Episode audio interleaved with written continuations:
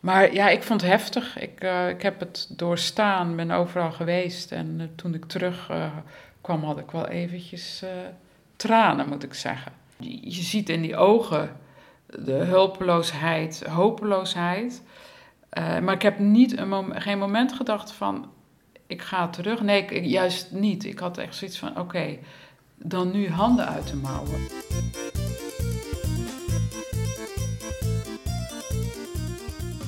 Griekenland. Zon, zee, zaligheid. Witte huizen, blauwe luiken en slapende poezen in de zon. Griekenland vakantieland. Maar het kan ook anders. Elke nacht boten met vluchtelingen die aan land willen.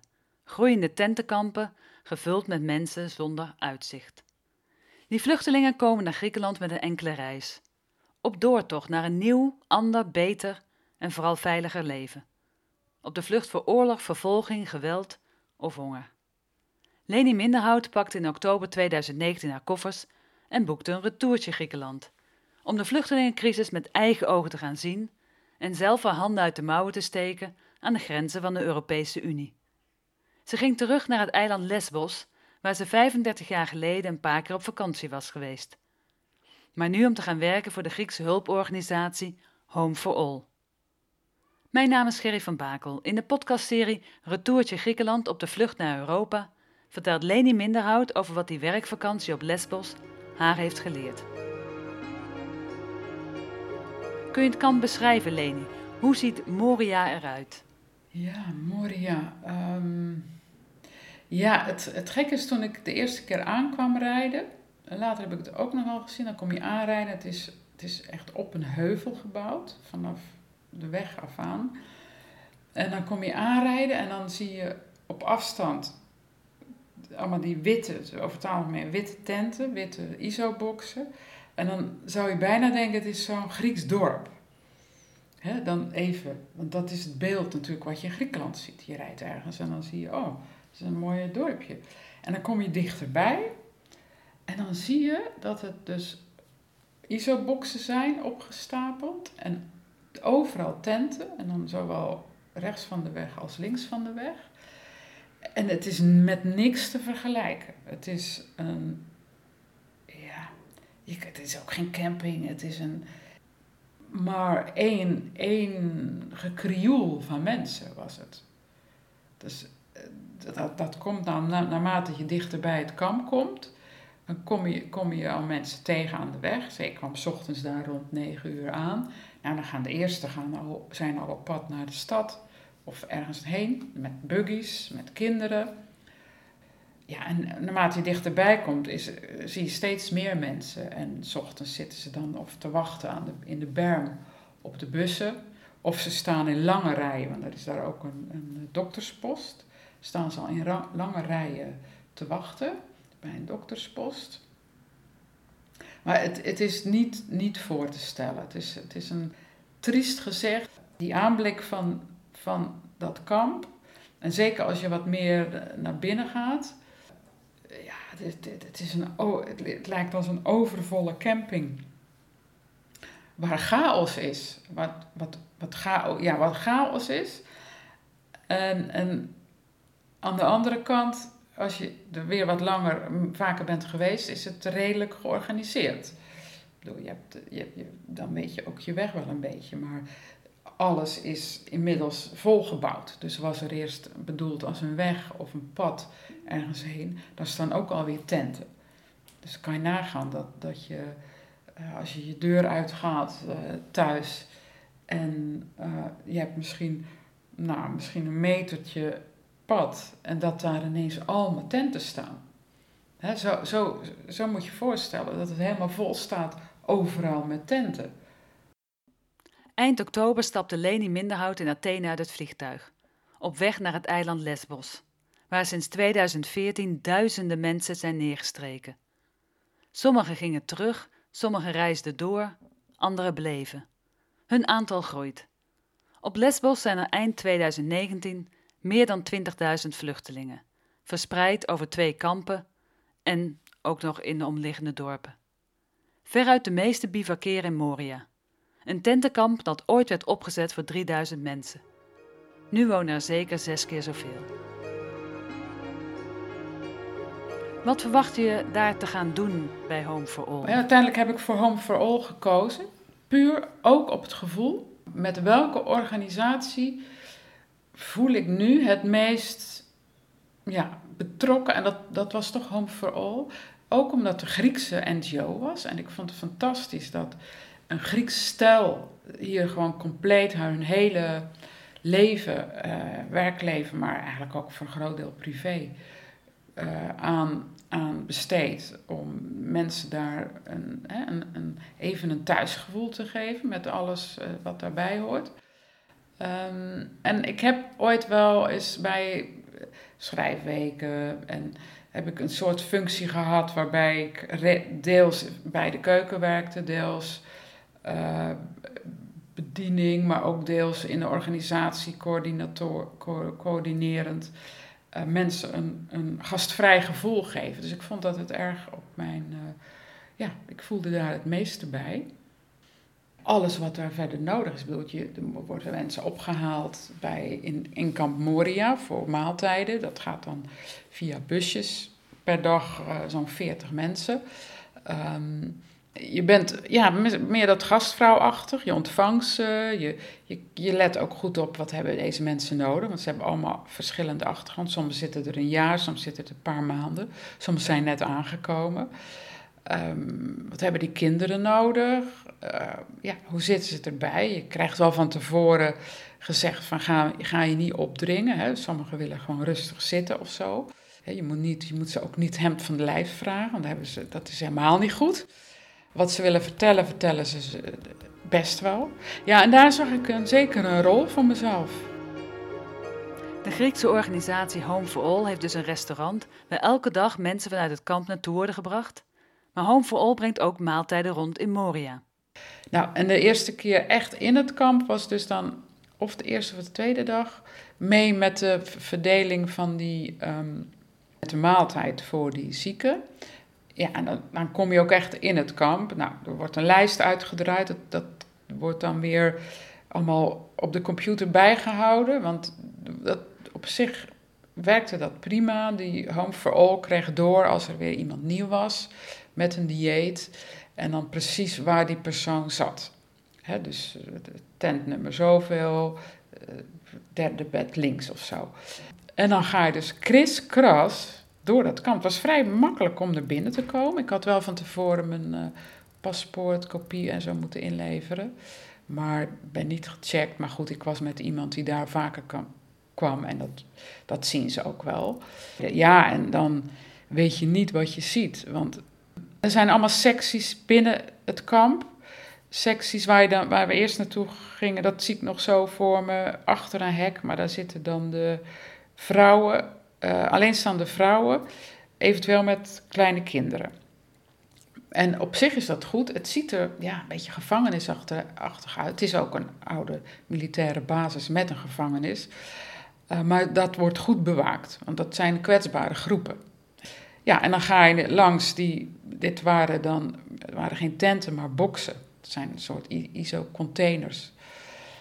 Uh, en er zitten dan allemaal vrouwen voor en nou, dan moet je ergens naar binnen in nummer zoveel. En dat is dan ook weer verdeeld, zo'n ISO-box, ook weer verdeeld in compartimenten. Soms per, ja, zeker als ze vrouwen zijn met een kind. Maar in dit geval, ja, ik me wel heb, was één compartiment dan. Er stonden dan twee stapelbed met drie bedden. Ja, en dan hebben ze daar weer dekens voor gehangen om een beetje privacy te hebben voor zichzelf. En dan ligt daar of iemand, of zit iemand op de grond, of ligt iemand in bed. Ja, en, en dan hebben we het over, was het al midden op de dag of zo. Um, ja, veel, ik vond veel jonge vrouwen ook die toch een beetje hangen op bed, of eh, waar een deel zaten buiten. Uh, maar er zaten er ook heel veel binnen. En die hangen dan de hele dag toch wel ja, een beetje te vervelen. Ik vond het vreselijk triest. Ik vond het zo triest. Naast het rondbrengen van maaltijden en hand- en spandienst in het restaurant gaat Leni aan de slag met de kledingvoorraad die Home for All ook onder zijn hoede heeft. Een heel groot pakhuis. Nou, ja, een soort winkeltje met allemaal de kleding opgestapeld per leeftijd, per man, vrouw, kind, baby. Nou, wat, wat was redelijk chaos, want ja, eh, je moet bedenken, de, sommige eh, vrijwilligers blijven een week, de andere ja, langer, maar er was heel veel verloop. Dus de een doet het zus, de ander doet het zo. Um, dus ik ben eens begonnen met gewoon met die kleding wat netjes in de schappen te leggen en uit te zoeken. Het was ook een beetje door elkaar gegaan. En er was boven in het pakhuis was ook een hele grote zolder waar dozen stonden. Uh, en dat was nog allemaal niet uitgepakt. En daar, ja, daar zat ook echt heel veel goede kleding in. Maar het hele kledinggebeuren met in Moria, dat is nog altijd een beetje vaag. Dat, als je dat ook vraagt, dan weet niemand hoe het precies gaat. Mensen krijgen als ze aankomen een basispakketje. Uh, en ik denk dat dat niet veel is. Dat is dan wel iets, een deken geloof ik. En, uh, maar qua kleding krijgen ze niet veel. Dus er kwamen bij ons in het restaurant mensen, ja, die hadden echt wel behoefte aan kleding. Dat zag je ook. Ja, en ik heb daar wat uh, orde in gebracht. Plus uh, een systeem bedacht wat ze al eerder hadden gebruikt, maar wat een beetje was weggezakt.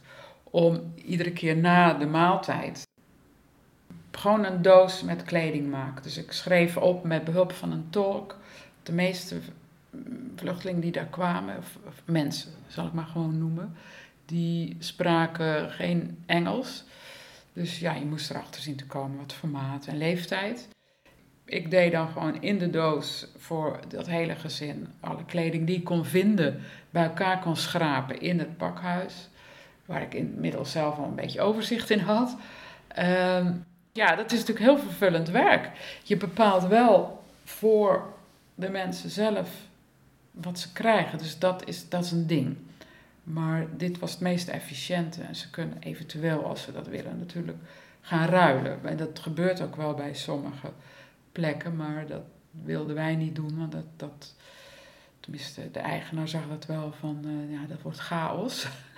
dus, um, en, en dan stop je ook eens wat, want er lagen ook eh, zeep en heel veel bedrijven hebben ook dingen geschonken. Dat is echt ongelooflijk, dat, dat raak je wel. Daar waren 2500 slaapzakken. Um, ook allemaal natuurlijk voor de, van de zomer heel veel zonnecrème. Um, allemaal pakketjes met ook speelgoed. Dus ik stopte dan ook in een doos met kleding. Ook nog eens wat, wat verrassend voor de mensen waar ze toen niet op gerekend hadden. Ja. Kleine dingen zoals een stuk zeep, iets van speelgoed. Weet je, dan denk je, ja, maar je kan niet voor iedereen dat doen. Nee, maar je helpt dan toch weer één persoon. Zo, zo werkt het. Extraatjes in het minimale bestaan in een vluchtelingenkamp, waar privacy niet bestaat, verveling alom heerst en mensen vooral wachten op papieren. Je kan een beetje warmte geven, dat, dat is het eigenlijk, of even aandacht. Ik ging dan toch even op de rand van bed zitten en ja, meer kan je niet doen. Of je, je geeft een hand en dan wordt je hand vastgehouden en dan, um, ja, dan, krijg, dan zie je toch een glimlach of zo. Ja, dat is, het zijn maar kleine dingen, maar ja, dat is wat je op dat moment dan ook weer kan doen. Want mensen hebben gewoon echt wel aandacht nodig natuurlijk. En ja, je zou willen helpen met procedures en weet ik het allemaal, maar dat, dat kan dus niet. Er zijn er wel die dat doen natuurlijk. En er zijn ook de schrijnende gevallen krijgen ook wel een advocaat toegestuurd die eventueel die procedure wat sneller kan versnellen. je zou, als je helemaal vrij zou zijn, zou je kunnen proberen om oké te kunnen bedenken van wat kan ik nou voor deze persoon doen? Maar het gaat niet om één of enkele personen. Elke nacht komen er nieuwe vluchtelingen aan. Mensen die vanuit Turkije per boot de stap wagen. Het is slechts 8 kilometer. Velen worden gezien door de Turkse kustwacht en teruggebracht naar Turkije. Maar Moria blijft groeien. Mensen die aankomen met de boten worden opgehaald. Dat zijn, die zie je regelmatig van die grote blauwe bussen, dus van het leger zijn, of van de marechaussee. En die worden dan altijd naar Moria gebracht. Dat is eh, de plek voor registratie.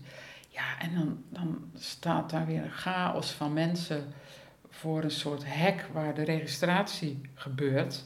Dat is, uh, bepaalde tijden zijn die open. Uh, en dat, die zijn echt, dus er staat een groot hek om, die zitten in een soort kooi, die mensen die daar die registratie doen. Ja, en dan, dan het is één chaos daaromheen. Zeker als er dan net mensen aangekomen zijn. Voor Leni werd de weken die ze doorbracht rondom Kamp Moria een reis die meer vragen opwerpt dan antwoorden biedt. Onvergetelijke ervaringen. Gezichten die je niet meer niet kunt zien.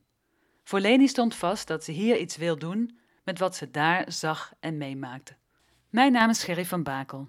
In deze podcastserie Retourtje Griekenland op de vlucht naar Europa volgen we Leni op haar zoektocht naar antwoorden. In aflevering 3 komen vrijwilligers aan het woord over hun werk op Lesbos. Zoals de gepensioneerde huisarts Adriaan van S, die twee keer dienst deed op Lesbos en zichzelf grensdokter noemt.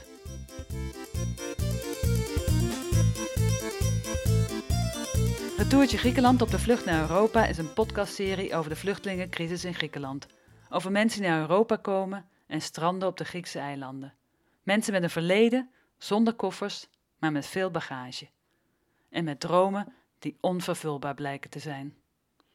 Wie ook wil helpen, kan direct contact opnemen met Leni Minderhout. Stuur een e-mail naar minderhoutleni@gmail.com. En Minderhout is met een D en Leni zonder E op het eind. Bedankt voor het luisteren.